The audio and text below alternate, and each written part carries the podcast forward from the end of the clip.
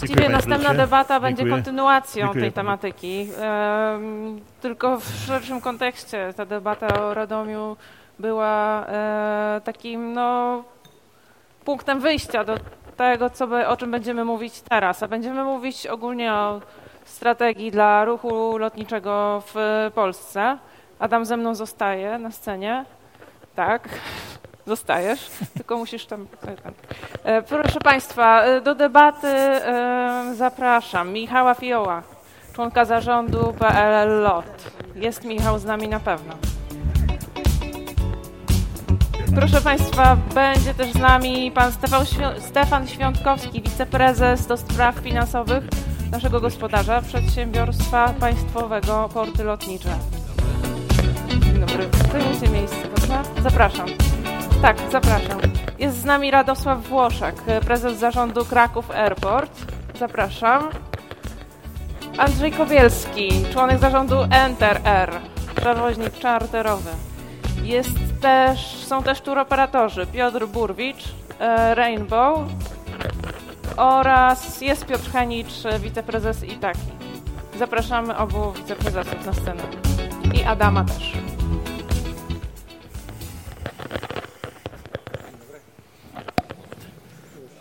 Proszę zająć miejsca. Mikrofony są do dyspozycji.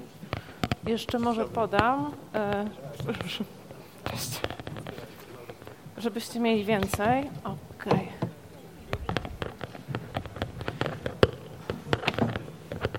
To może jeszcze nawiążemy do tego Radomia, bo tam, panie prezesie, mówię do Michała Fioła, tak? Padły pytania, e, padły pytania właśnie e, o LOT i Radom i wasze tutaj plany. Na razie są trzy połączenia, ale chyba ad vocem myślę, że mogę cię poprosić o nawiązanie do tematu i o, odpowiedź na to, co wszystkich nurtuje, czyli jak tutaj LOT planuje dalej swoją obecność.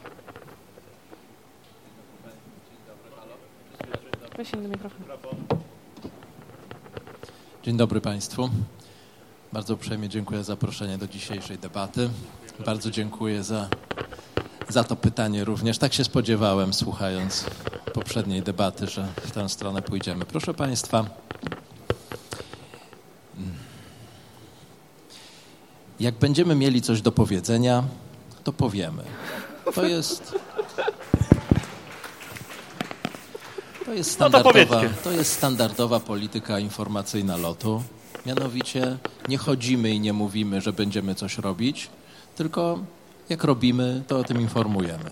Otrzymali Państwo we właściwym czasie informację o tym, że rejsy z Radomia będą realizowane i będziemy te rejsy realizować. Serdecznie zapraszam e, osoby, które są odpowiedzialne za to, żeby Radom, żeby ziemia radomska, żeby południe Mazowsza, żeby y, województwo świętokrzyskie stanowiło y, właściwą bazę turystyczną do tego, aby również wykonali swoją robotę. To znaczy nie zastanawiali się nad tym, gdzie, co zrobić z tymi turystami, tylko żeby zrobili swoją część pracy, żeby również wykonali swoją część pracy promocyjnej, polegającą na tym, żeby udać się do, e, do Rzymu, do Paryża i w okolice, i także do Kopenhagi, rozmawiać z turoperatorami po tamtej stronie, ponieważ to w tej chwili jest czas na to, żeby informować ludzi, którzy odpowiadają za tworzenie pakietów turystycznych po tamtej stronie,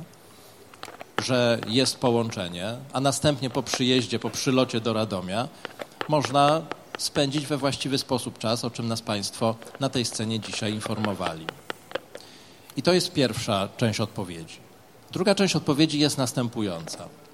Ja już o Radomiu powiedziałem kilka tygodni temu i artykuł, jaki znalazłem później w mediach, miał tytuł Wiceprezes lotu tłumaczy się z połączeń do Radomia.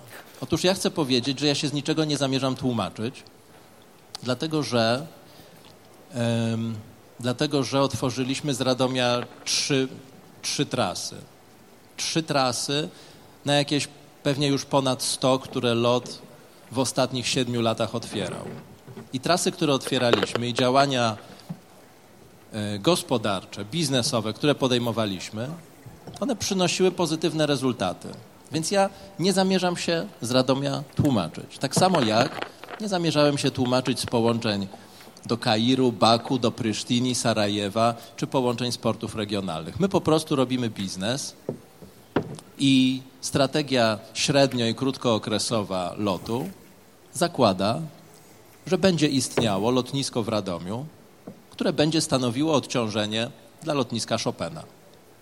Robimy rzeczy, które mają uzasadnienie biznesowe i tak samo jest właśnie z połączeniami lotu z Radomia. Tyle miałem ten temat do powiedzenia. Bardzo dziękuję. Ja myślę, że skończymy już temat Radomia, rzeczywiście. Chyba, że oczywiście Państwo będą chcieli go kontynuować e, i będą głosy z sali w tej sprawie.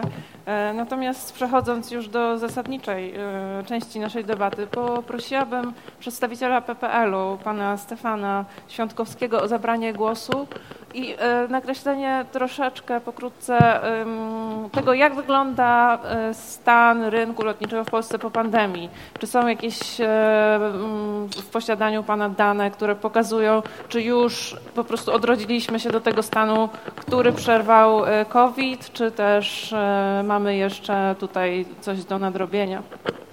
Tak, trochę spodziewając się tego pytania, przyniosłem sobie karteczkę, na której mam pewne liczby wynotowane, bo co prawda jestem finansowym, ale wszystkich liczb nie pamiętam. Przykład lotniska najbliższego memu sercu, czyli warszawskiego, no bo to jest jednak trzon PPL-u, choć oczywiście pozostałymi lotniskami też się zajmujemy, jesteśmy na wielu udziałowcem. No my nie doszliśmy jeszcze do tego poziomu, który był przed pandemią. Mieliśmy 18,9 miliona pasażerów w 2019 roku. W tym roku przy dobrych wiatrach pęknie 14, przy gorszych wiatrach, czyli na przykład w słabszym sezonie świątecznym będzie mniej, na pewno powyżej 13, więc Tutaj y, widać wyraźnie, że to jakieś 75% powiedzmy tego ruchu, tego ruchu wróciło. Także mm, widać i nie wiem, czy to jest y, ten moment, ale też to powiem, pewną zmianę jakby kierunków, które w szczególności z warszawskiego lotniska są obsługiwane. To znaczy i przed pandemią i teraz największy łącznie jest Londyn, łącznie w sensie Luton i Heathrow, ale taką jedną największą destynacją z Warszawy stała się Antalya, która w 19 roku nawet nie była w pierwszej dziesiątce. Y, na, byli, były oczywiście jakieś loty do Antalii, ale, ale była to destynacja poza pierwszą dziesiątką, wyskoczyła na miejsce pierwsze. Nie, ja mówię o Warszawie, tak, bo... A nie, o całościowym ruchu z Warszawy, z lotniska Chopina w Warszawie, tak, o całym ruchu z lotniska Chopina w Warszawie, tak. No i druga rzecz, która też się zdarzyła, to y, LOT pozostaje oczywiście niezmiennie liderem ruchu na lotnisku w Warszawie z mniej więcej stabilnym udziałem ponad połowę, ale y, na miejscach drugim, trzecim i czwartym są Wizz Air, Enter i Smartwings i Smartwings w tym roku przeskoczył Lufthansa. Y, także oni razem zwiększyli swój udział z udział w Warszawie z 23,4% na 28,4%, czyli o 5 punktów procentowych wzrósł, wzrósł udział tych trzech linii, czyli jednej linii niskokosztowej i dwóch charterowych. Także widać pewien kierunek zmian, który zaszedł. To tyle może na razie, tak? Dziękuję bardzo. E, mam e, drobne problemy techniczne z mikrofonem, które mi zajęły, przepraszam, e, umysł na momencik, ale już, już się ratuje. Panie Piotrze, mówię do pana prezesa Henicza. Te dane zaskakują pana, czy, czy spodziewaliście się takich wyników? Znaczy te dane generalnie one są znane, także to nie jest dla mnie jakaś, e, jakaś nowość. E, natomiast ja to oceniam bardziej troszeczkę w innych kategoriach, e, wychodząc z założenia takiego, że jeżeli były, bo w skali roku to wygląda tak, ale były, były takie tygodnie w tym roku, kiedy na Okęciu ruch był nie tylko taki sam jak w 2019, ale były tygodnie, kiedy ten ruch był większy niż w roku 2019. Tak? W związku z tym e, to nie jest tak, jak, jak słyszałem e, przysłuchując się w, na, w poprzedniej debacie, że, e, że lotnisko na Okęciu jeszcze przez wiele lat będzie będzie dostępne i nie będzie żadnych problemów ze slotami, ponieważ my w tym roku już się spotkaliśmy z takimi sytuacjami, kiedy chcieliśmy zwiększyć operowanie z Okęcia na chociażby wspomnianym kierunku tureckim, o którym mówimy, który tutaj jest na pierwszym miejscu.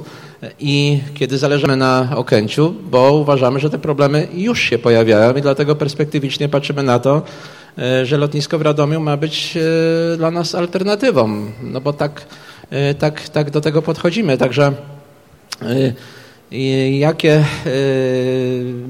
ilości, jaka przepustowość będzie lotniska w przyszłym roku, no myślę, że tutaj ilu, ilu by nas tutaj nie było e, w cudzysłowie analityków i specjalistów, mając na uwadze, co się dzieje e, z gospodarką i z różnymi innymi bardzo ważne, ważnymi elementami, które będą miały wpływ na, na, na, nasze codzienne życie i podejmowanie decyzji o wyjazdach wakacyjnych, zasobnością portfela i tak dalej. Nie jesteśmy w stanie tego przewidzieć, natomiast trudno, abyśmy bagatelizowali to, że że Okęcie będzie zawsze dostępne, zawsze y, wolne i będziemy mogli się tutaj rozwijać. No, no, myślę, że to jest zbyt ryzykowna teza, aby, aby można y, na takiej tezie budować swoje plany na dalszą przyszłość, dlatego trzeba szukać innych rozwiązań. Takim, takim rozwiązaniem jest dla nas lotnisko w Radomiu. Drugi przewoźnik, czyli Andrzej Kobielski, NTR. Andrzeju, zapycha się lotnisko Chopina. W jakim procencie przejdziecie na lotnisko Warszawa-Radom? Ile, ile, ile lotów planujesz w przyszłym roku, że to będzie? Będzie to pokaźna suma, czy, czy takie będą na razie próbne balony, e, samoloty? E, dzień dobry Państwu. Jeszcze dzień dobry. E, dziękuję uprzejmie za zaproszenie organizatorom. Miło widzieć tak dużą frekwencję. NTRR ma w Polsce cztery bazy, y, które jakby sukcesywnie rozwijamy. Y, Warszawa i Katowice były pierwszymi, potem się pojawił Poznań, potem się pojawił Wrocław. E, w tych bazach na początku zaczynaliśmy od kilku rejsów wykonywanych po tak zwanej literze W, czyli na tej samej trasie, zaczynając z innej bazy, dolatywaliśmy czy to do Poznania, czy do, do Wrocławia. W krótkim czasie, krótkim, jak na skalę lotnictwa, to trwało 5 lat, e, udało nam się w tych bazach mieć e, odpowiednio w Poznaniu 3, we Wrocławiu 2. E, w przyszłym roku mam nadzieję, że te cyfry będą większe, samoloty zbazowane. Więc tak samo traktujemy Radom. Radom jest jednym z lotnisk, na które będziemy operowali. Operujemy w zasadzie na, z większości, chyba z Szyman tylko w Polsce nie operujemy. Natomiast z pozostałych lotnisk w Polsce latamy, więc e, e, e, absolutnie nie ma wątpliwości, dlaczego nie mielibyśmy latać z e, Radomia. To jest lotnisko, co już zostało tutaj powiedziane, w pewien sposób komplementarne. Dzisiaj jeszcze dotarcie tutaj jest w pewien sposób uciążliwe, natomiast no, mm, słyszeliśmy na ostatnim panelu, że e, perspektywy zmiany możliwości i komfortu dotarcia do lotniska będą w krótkiej perspektywie czasowej. Więc y, w świetle tego, o czym wspomniał Piotr, że lotnisko w Warszawie pewnie w dość krótkim czasie, pewnie kilku sezonów, dojdzie do kresu swojej przepustowości. Oczywiście tam są możliwości jej zwiększenia, natomiast, natomiast biorąc pod uwagę Core Night, którego miejmy nadzieję, w Radomiu nie będzie. E, I w Radomiu będzie można operować w godzinach późniejszych, nie mówię nocnych. Mm, to spowoduje w naturalny sposób, że obecnie tu będziemy. E, idąc krok dalej, mm, czy uda nam się w krótkiej perspektywie czasowej postawić tutaj samolot? Myślę, że nie. To czas, e, czas pewnie będzie weryfikował. Zwłaszcza, że rozwój strumieni pasażerskich no, potrzebuje chwili, jest trochę chicken and egg, e, nie ma połączeń, to nie ma strumieni. Jak się pojawiają połączenia, no to strumienie pasażerskie się zaczynają budować, natomiast pytanie w jaki sposób, e, z czyim ryzykiem i jak będziemy, będziemy je finansować. Także odpowiadając tak, tutaj e, widzimy swoją obecność. Mam pytanie do Piotra Burwicza bo tutaj w poprzedniej debacie padło wiele słów o zastoju zimowym e, i o sezonowości. W sumie wyszliśmy od tego tematu dzisiaj na forum, ale Rainbow bardzo stawia na zimowe połączenia i właśnie sportów regionalnych.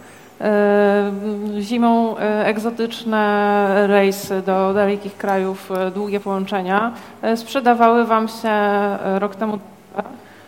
Poznań był promowany w tym roku do tego Gdańsk. Czy to jest też no, Przepraszam, muszę na dwa mikrofony. Czy to jest też właśnie dla lotnisk no, taka nadzieja na, na to, żeby rozwijać się również zimą? Ta egzotyka i połączenia właśnie sportów regionalnych, może też z Radomia będziemy latać. Dzień dobry Państwu. E, ja wszystko słyszałem, nawet bez mikrofonu. Super. E, natomiast e, jak odpowiedzieć jakoś zgrabnie na to pytanie? E, tak, rynek e, zimowy, egzotyczny rozwija się niewątpliwie. To jest jakby druga fala w moim pojęciu, która idzie za tym rynkiem letnim i wynika po prostu z tendencji takich socjodemograficznych, bogacenia się społeczeństwa, wzrostu tak zwanej klasy średniej, dochodu rozporządzalnego itd. Tak E, natomiast oczywiście w marcu e, pan Putin zrobił nam wszystkim psikusa e, dużego, E, pośrednio i bezpośrednio. No. E, bezpośrednio wiadomo, ja tak lekko o tym mówię, ale wiadomo, że mówimy o nielekkich rzeczach, a pośrednio oczywiście przez dwie rzeczy, przez ceny dolara i przez e, koszty paliwa lotniczego. No to są takie zmiany, które zwłaszcza przy długodystansowych połączeniach, gdzie ten samolot pali więcej, wiadomo, no to tam potrafią dość mocno jakby ten wzrost rynku może nie zawrócić, ile przyhamować pomimo tego, pomimo tych wszystkich czynników, e, ja wzrost rynku widzę. I moim zdaniem takim e, organicznym, naturalnym teraz ciągiem rzeczy będzie to, że ten wzrost również powinien się rozkładać coraz bardziej poza Warszawę. Tak? E, no i to widzimy też nawet po naszych tam siatce połączeń. No, nie tak dawno, kilka lat temu, takie większe niż mniejsze kilka, no ale Warszawa w naszym programie zimowym to było 80% no teraz jest jakieś tam 50. No i to wcale nie dlatego, że zmalała. No nie, no po prostu, bo się rozłożyło, cały rynek rośnie, tak? To jest też naturalna trochę z kolei rzeczy, tak? I y, to moim zdaniem, jak się spojrzy na jakieś rozwinięte rynki y, bardziej, no, bardziej uproduktowione, jak to się ładnie mówi, no to tak się to też dzieje, to się tam rozkłada, więc moim zdaniem wpisujemy się w dobrą tendencję.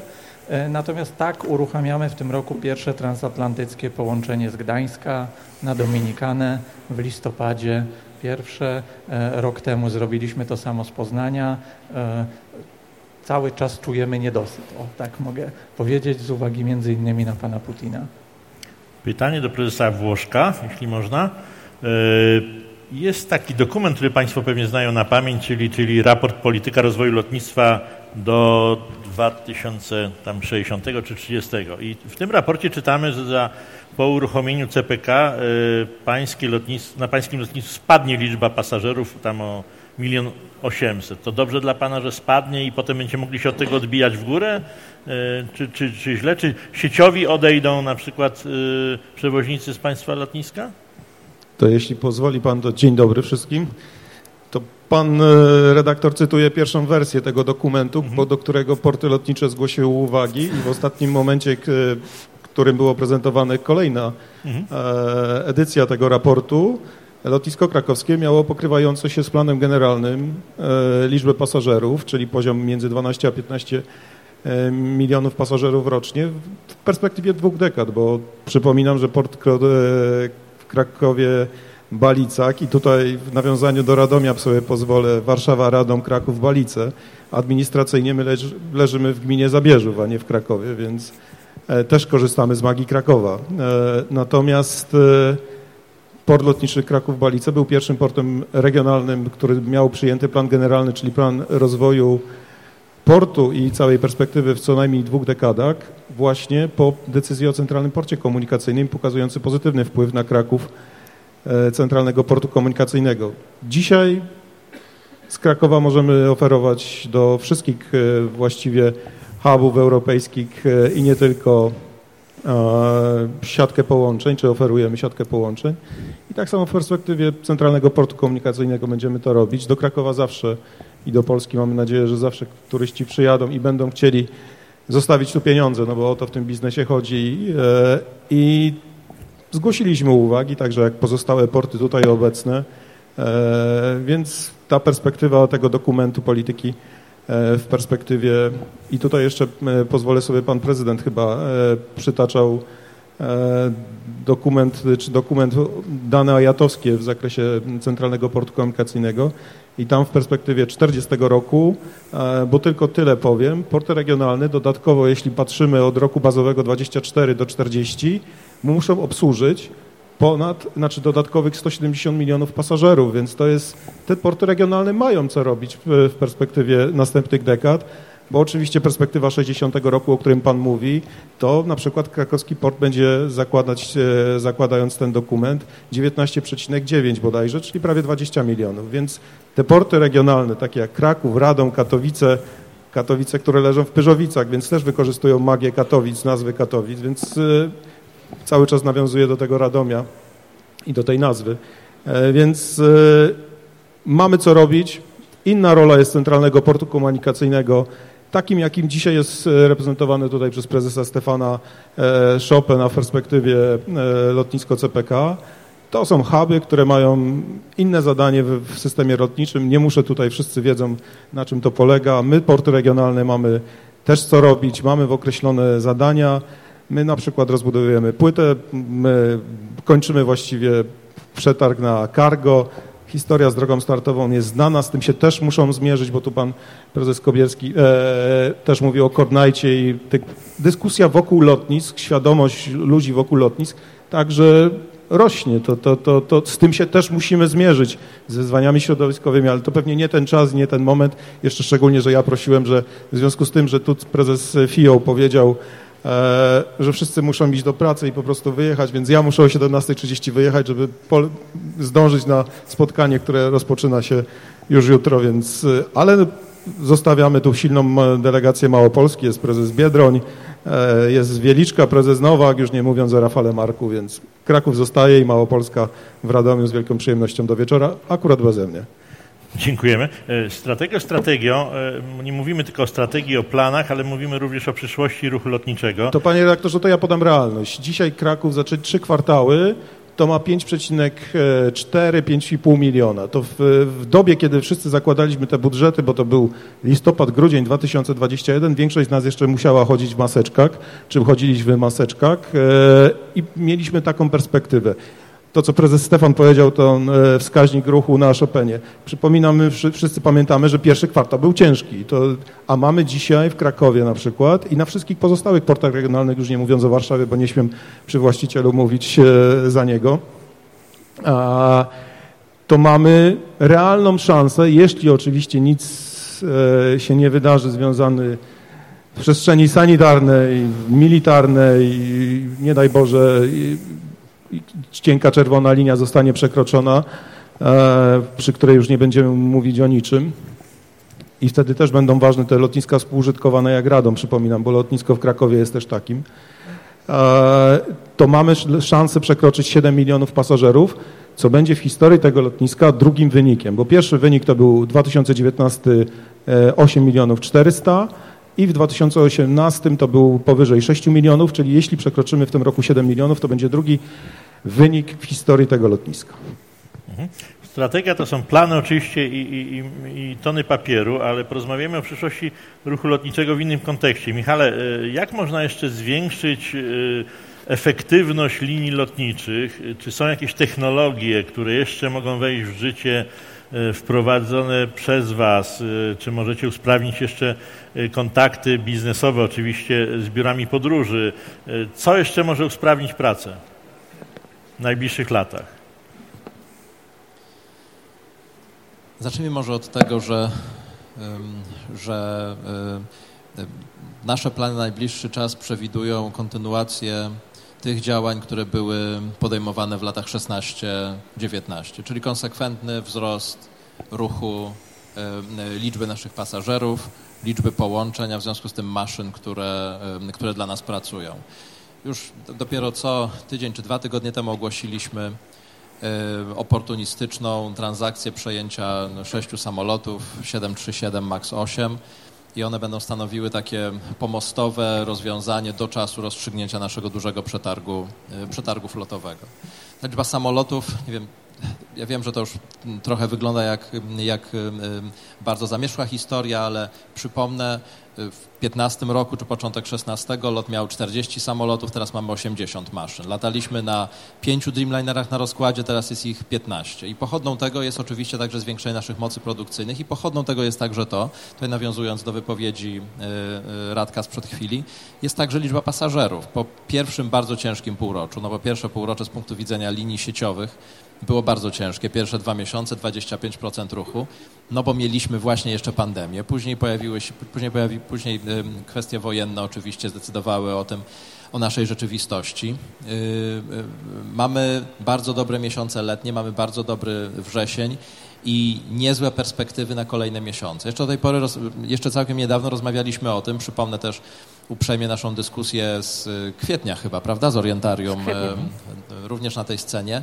Czy wróci ruch biznesowy? Ruch biznesowy wraca. To jest to, co widzimy na całym świecie. 75-80% ruchu biznesowego pojawia się znowu na, na naszych pokładach. O sukcesach turystyki wyjazdowej, no to już tutaj jest bardzo, bardzo silna reprezentacja w postaci taki Rainbowa oraz, e, oraz Enterera, więc e, nie będę panom odbierał chleba, to, to jest coś, o czym, e, o czym oni zapewne, zapewne powiedzą. W związku z tym ta nasze, ta nasza, te nasze środki produkcji będą w naturalny sposób w dalszym ciągu rosnąć. Pokazaliśmy, że umiemy je w rentowny sposób wykorzystywać i to zamierzamy też robić. Ale są i dzięki za to pytanie są też takie miejsca, które wymagają naszej specjalnej atencji. Ta specjalna atencja jest właśnie po stronie technologii. Cieszę się, że mamy tutaj dzisiaj na sali osoby reprezentujące biura podróży, y, instytucje obsługujące y, firmy. I w gruncie rzeczy to jest dla nich, to jest, to jest ważna, to są też ważne informacje dla nich, dlatego że w dużej mierze ukształtują one współpracę pomiędzy środowiskiem agencyjnym, pomiędzy biurami podróży, a przewoźnikiem, jakim jest lot y, w najbliższym czasie. My ten czas pandemii dobrze wykorzystaliśmy. E, w czasach, e, w tej chwili w gruncie rzeczy to jest coś, co jest e, wyzwaniem i zadaniem każdego, mianowicie digitalizacja i automatyzacja procesów.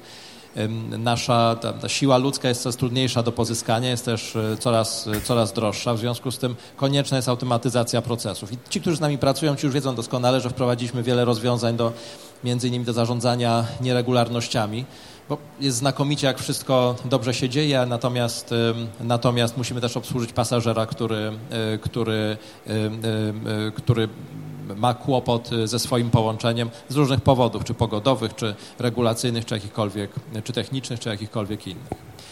Ważną informacją dzisiaj dla Państwa, i cieszę się, że się spotykamy w takim czasie, w takim gronie, jest to, że LOT dołącza do linii, które będą oferowały możliwość sprzedaży biletów w formacie NDC, czyli New Distribution Capabilities. To jest duży program ajatowski. Ajata ogłaszała znacznie wcześniej, gdzieś koło roku 2015, że do 2020 roku 20 największych linii lotniczych będzie oferowało 20% swoich biletów właśnie w formacie NDC, New Distribution Capabilities. Zwracam Państwa uwagę na to, dlatego że to jest rewolucja technologiczna, która jest porównywalna ze, z przejściem biletu papierowego, ciągle jeszcze go pamiętamy, do biletu elektronicznego. W tej chwili przejście na NDC oznacza dokładnie taką samą zmianę. Ja dzisiaj z tego miejsca chciałem Państwa zaprosić do, do wspólnej podróży w stronę NDC, dlatego że ta rewolucja y, w moim wyobrażeniu powinna, powinna zostać przeprowadzona w sposób ewolucyjny. To znaczy w dialogu ze środowiskiem agencyjnym, w dialogu z biurami podróży, dlatego że za chwilę zmieni się naprawdę wszystko.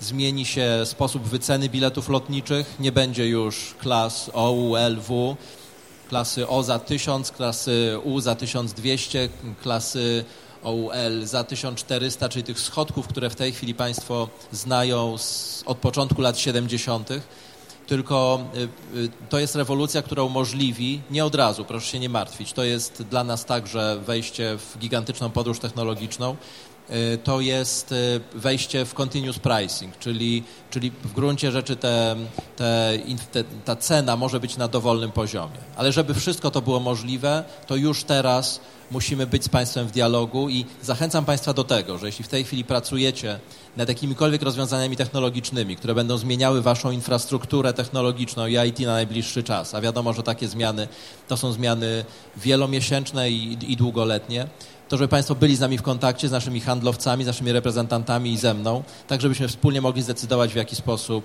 to będzie, yy, to będzie wyglądało. Na koniec chodzi nam o to, aby nasza oferta była atrakcyjniejsza dla pasażera, wygodniejsza w obsłudze przez biura podróży, a na koniec także tańsza w dystrybucji, bo to zostało dzisiaj powiedziane, zarówno biura podróży, jak i linie lotnicze pracują na bardzo niskich marżach i my musimy wszędzie szukać optymalizacji albo lepszej E, oferty dla pasażera, która spowoduje, że ten pasażer będzie chciał zostawić z nami więcej pieniędzy.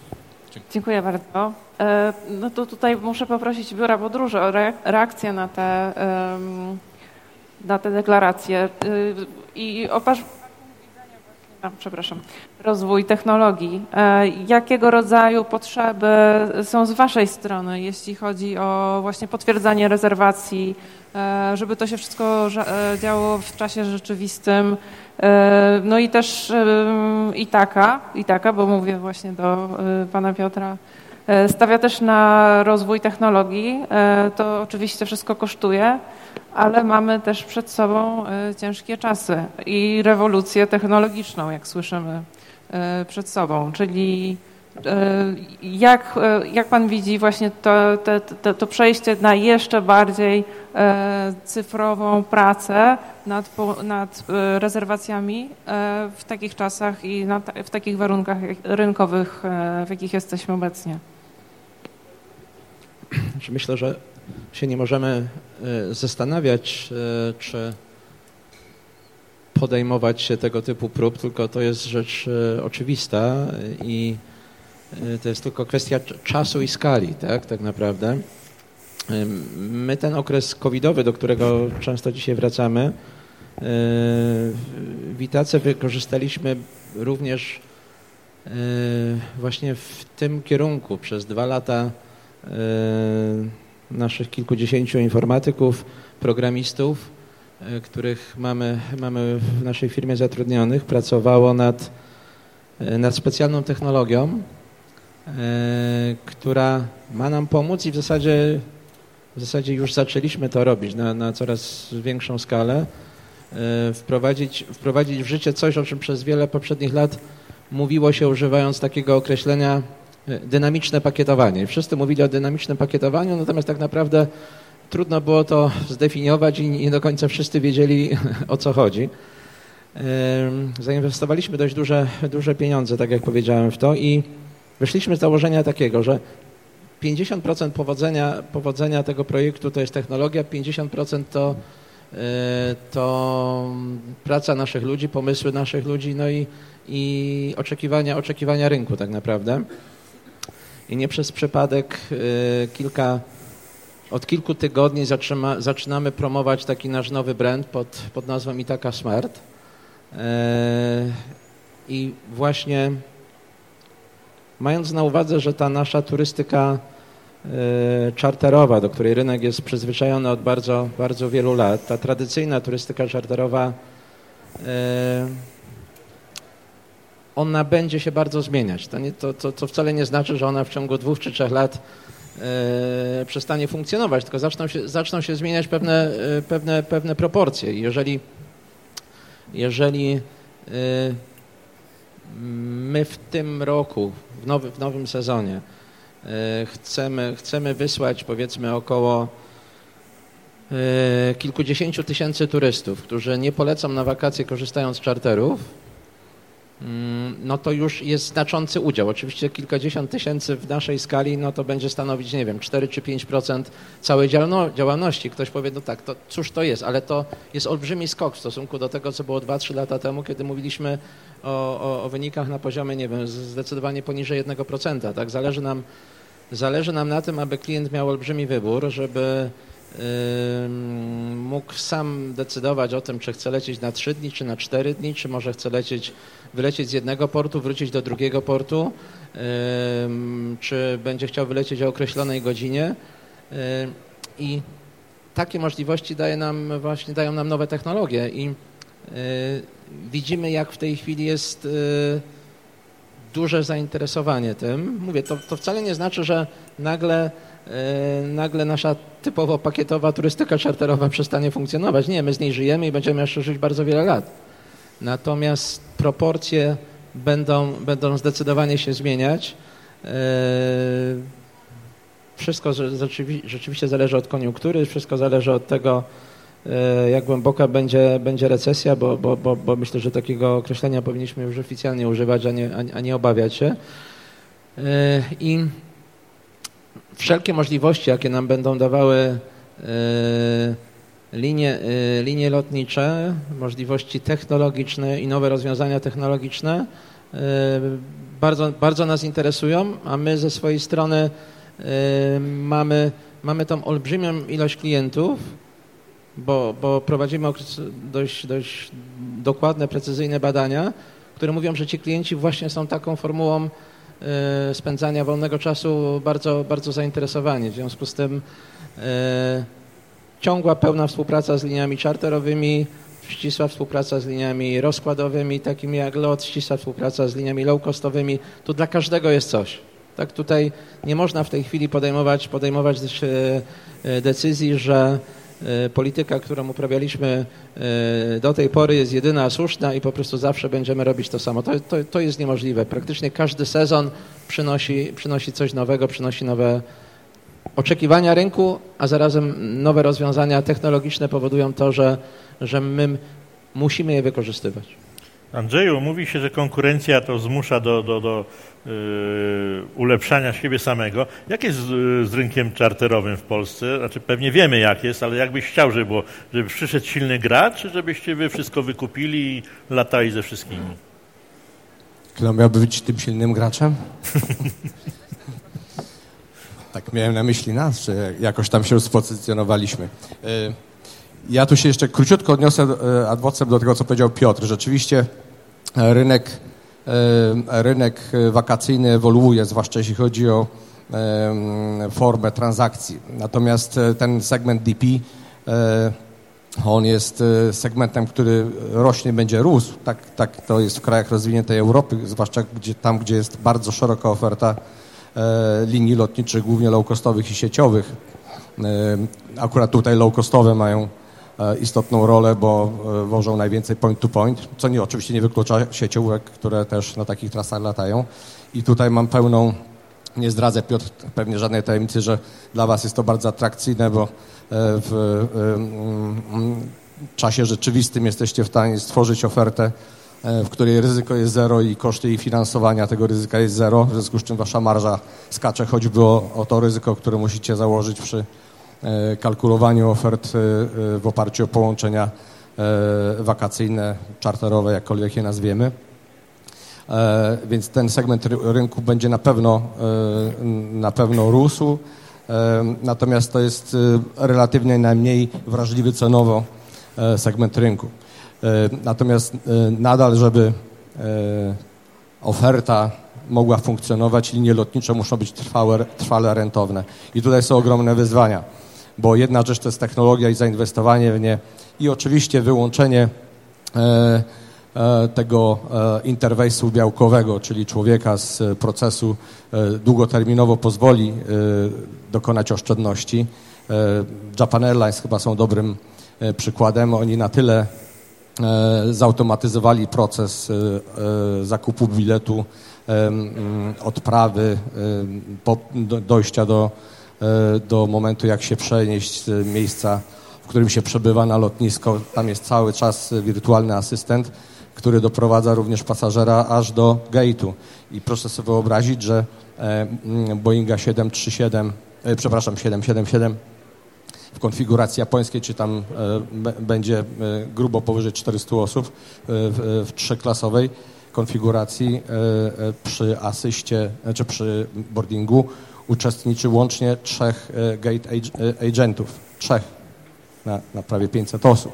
Więc tu też jest widać, jak technologia pomaga ograniczać zarówno zaangażowanie ludzi, jak i, mm, jak i zmniejszyć koszty. Mm, natomiast linie lotnicze no, w tej chwili się borykają z kilkoma e, rzeczami, które są narzucane trochę na nas.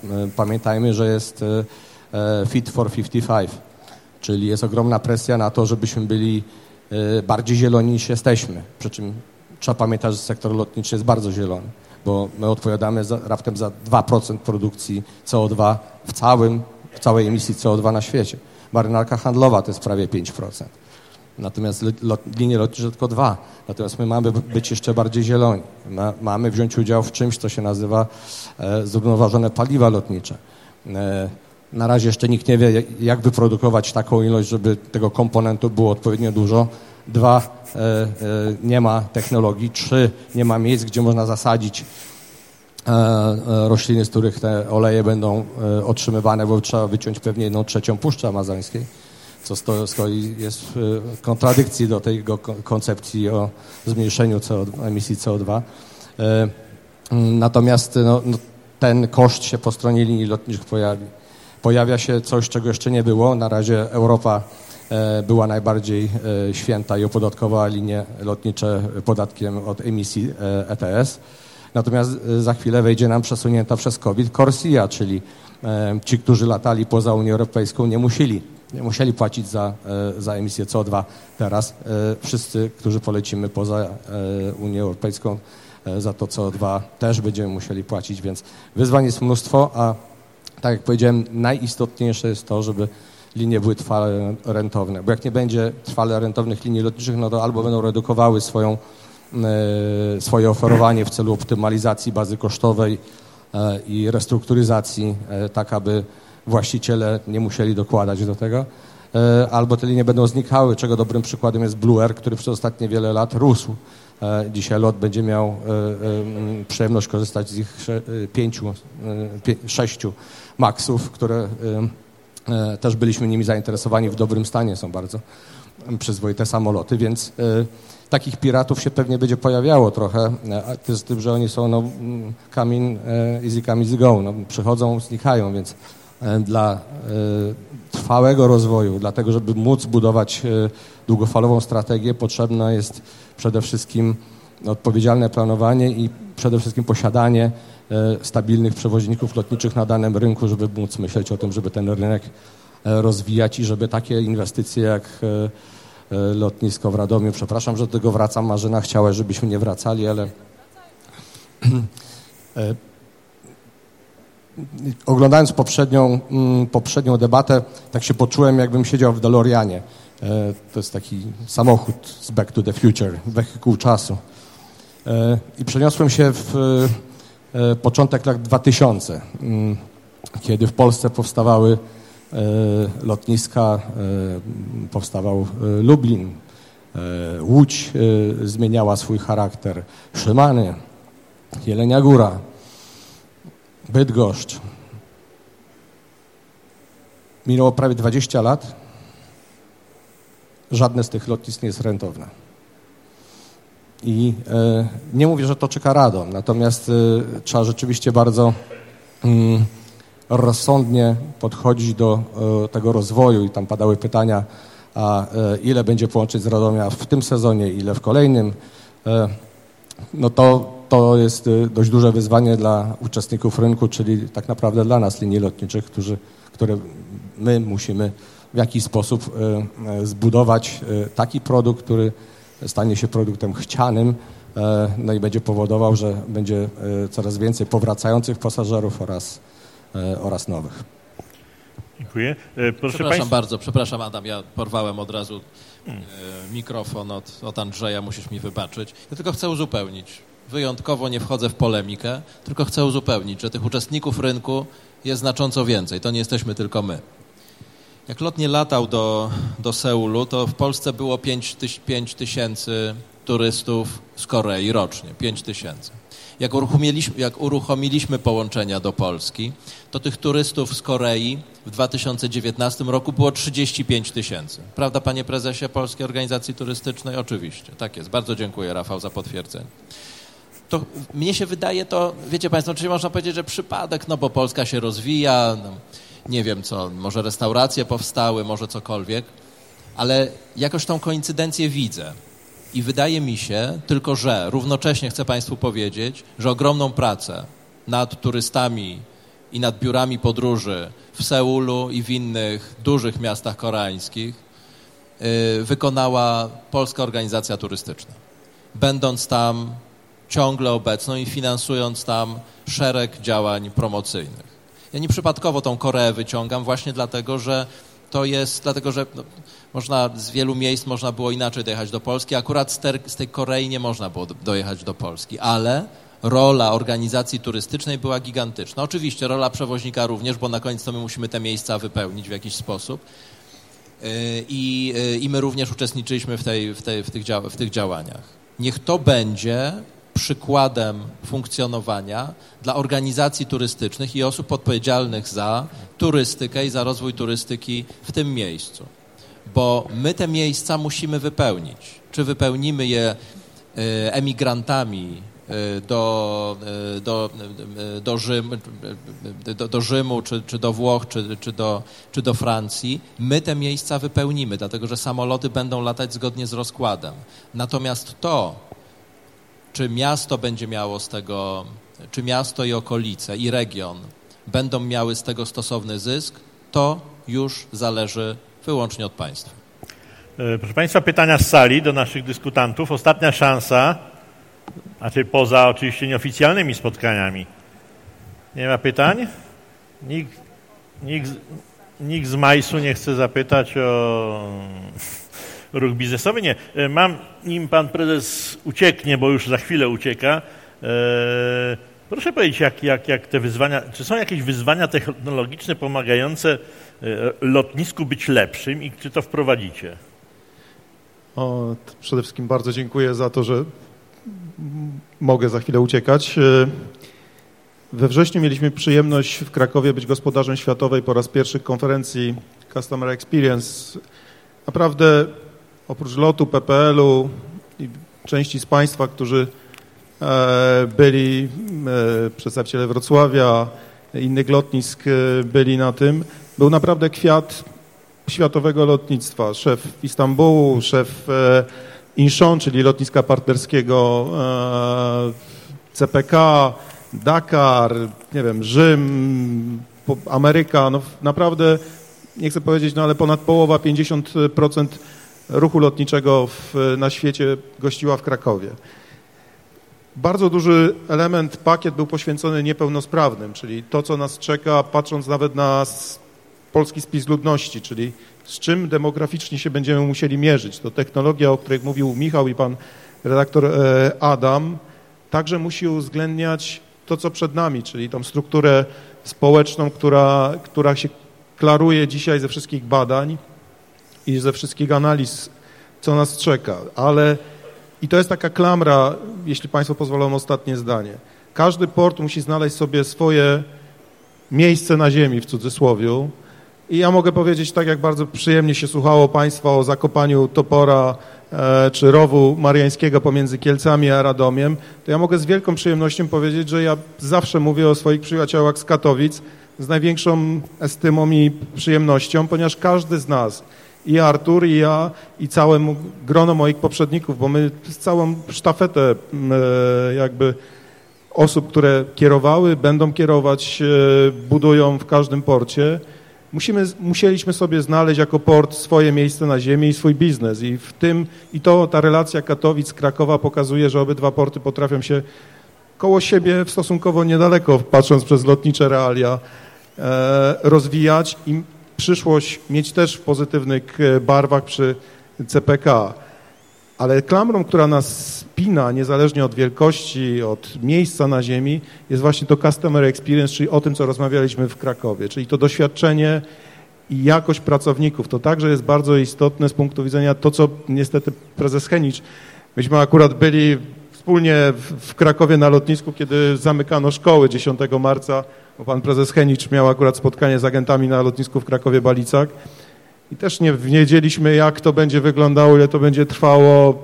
Pamiętam, ja uciekłem wtedy z tego spotkania, uciekłem w sensie, że poleciałem, bo trzeba było zająć się swoim biznesem. Pan prezes też poleciał do swojego biznesu.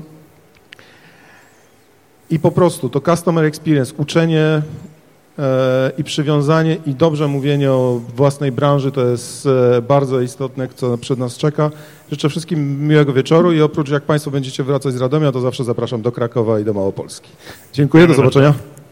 Dziękujemy bardzo. My jeszcze ostatnie dosłownie wypowiedzi. Bym poprosi, poprosiłabym pana wiceprezesa Stefana Świątkowskiego. Tutaj padło, padły słowa o CPK. Bardzo popularny w przestrzeni medialnej jest taki pogląd, że CPK odbierze chleb lotniskom regionalnym. Czy mógłby się pan odnieść do tego, do, tego, do tej obawy? Jest popularny taki pogląd, w ogóle jak się czyta wrogie artykuły o CPK, to się robi żal człowiekowi. To znaczy, wydaje mi się, że ocena nasza jest taka, że nie odbierze lotniskom regionalnym, może za wyjątkiem tych najbliższych. Y, na pewno większym zagrożeniem będzie, jak CPK będzie bardzo sprawnie połączone kolejowo z każdego miejsca w Polsce, bo to rzeczywiście wtedy, y, wtedy ono może stać się bardziej takim ośrodkiem. Sam fakt istnienia tego lotniska nie powinien przeszkodzić portom regionalnym, y, bo one mają swoje rynki i swoich klientów. One zbudowały swoją pozycję. Prezes Włoszek ma swoje destynacje, które do niego latają i z których się do, y, do, których się od niego lata. Katowice mają swoje miejsce na ziemi, są stolicą czartera. Y, wszystkim rośnie cargo, więc to nie jest tak, że, że, że lotniska regionalne polegną w wyniku, y, w wyniku powstania CPK. Dbają o siebie, potrafiły zbudować swoją pozycję.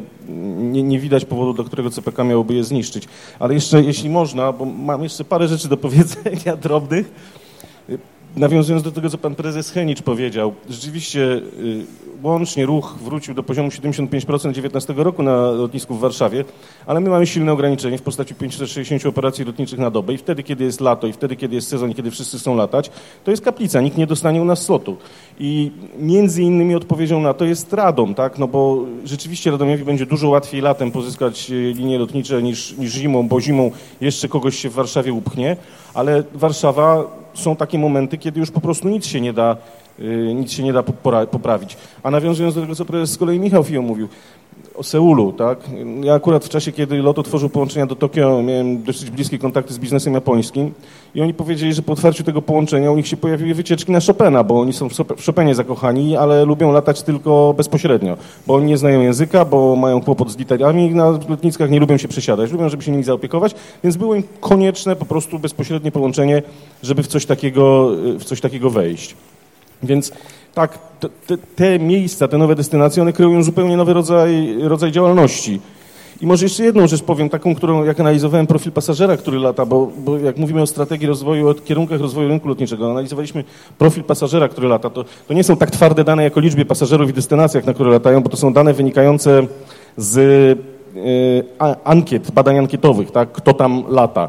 No i jedna rzecz, która e, jakby trochę mnie zasmuciła, to na pytanie osób odlatujących z Warszawy, czy lecisz teraz tam odlatując z Warszawy w Twoim pojęciu, czy lecisz teraz z powrotem, odsetek osób w stosunku do 19 roku, w 22, które mówią, że lecą tam, wzrósł z 70 do 80%.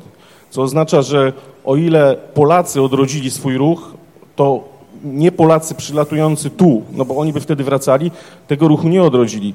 Co ciekawe, to też wzrósł, znaczy potwierdza to, bo wzrósł udział osób mieszkających w Polsce z 60 do 70%, yy, przy czym z 70 do 77 wzrósł osób, udział osób deklarujących narodowość polską, co by sugerowało, że część osób, które mówią, że lecą tam, mieszka poza Polską.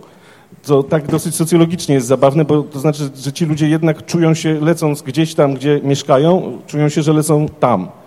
No i jeszcze jeden trend, który się pojawił, który też liczba tylko to potwierdza, co jest. To znaczy mieliśmy udział 36% podróży służbowych deklarowanych, a mamy 19 w tym sezonie. I pewnie u was w locie to więcej widzi się tego powrotu ruchu biznesowego, bo wy jesteście linią, która jest wybierana, jak się leci biznesowo, bardziej niż powiedzmy charter, tak? ale, ale tak w globalnej, w globalnej perspektywie, no to, no to to jednak tak poszło. I jeszcze może ostatnie, co może lotnisko zrobić, żeby pomóc pasażerowi? To znaczy, ja powiem szczerze, nie zgubić mu bagażu. To, ludzie mówią o wielkich rzeczach i wspaniałych, ale sterty bagażu we Frankfurcie, który nie wiadomo czy jest właściwie nie wiadomo co oni z nim zrobią, bo wylali pracowników w ramach COVID-u, no myśmy nie wylali i u nas te bagaże tak masakrycznie nie giną. Myślę o Warszawie, tak? Przepraszam, długo i nie na temat, ale dziękuję. I ostatni, ale to tak szanownie, pan Piotr Burwicz.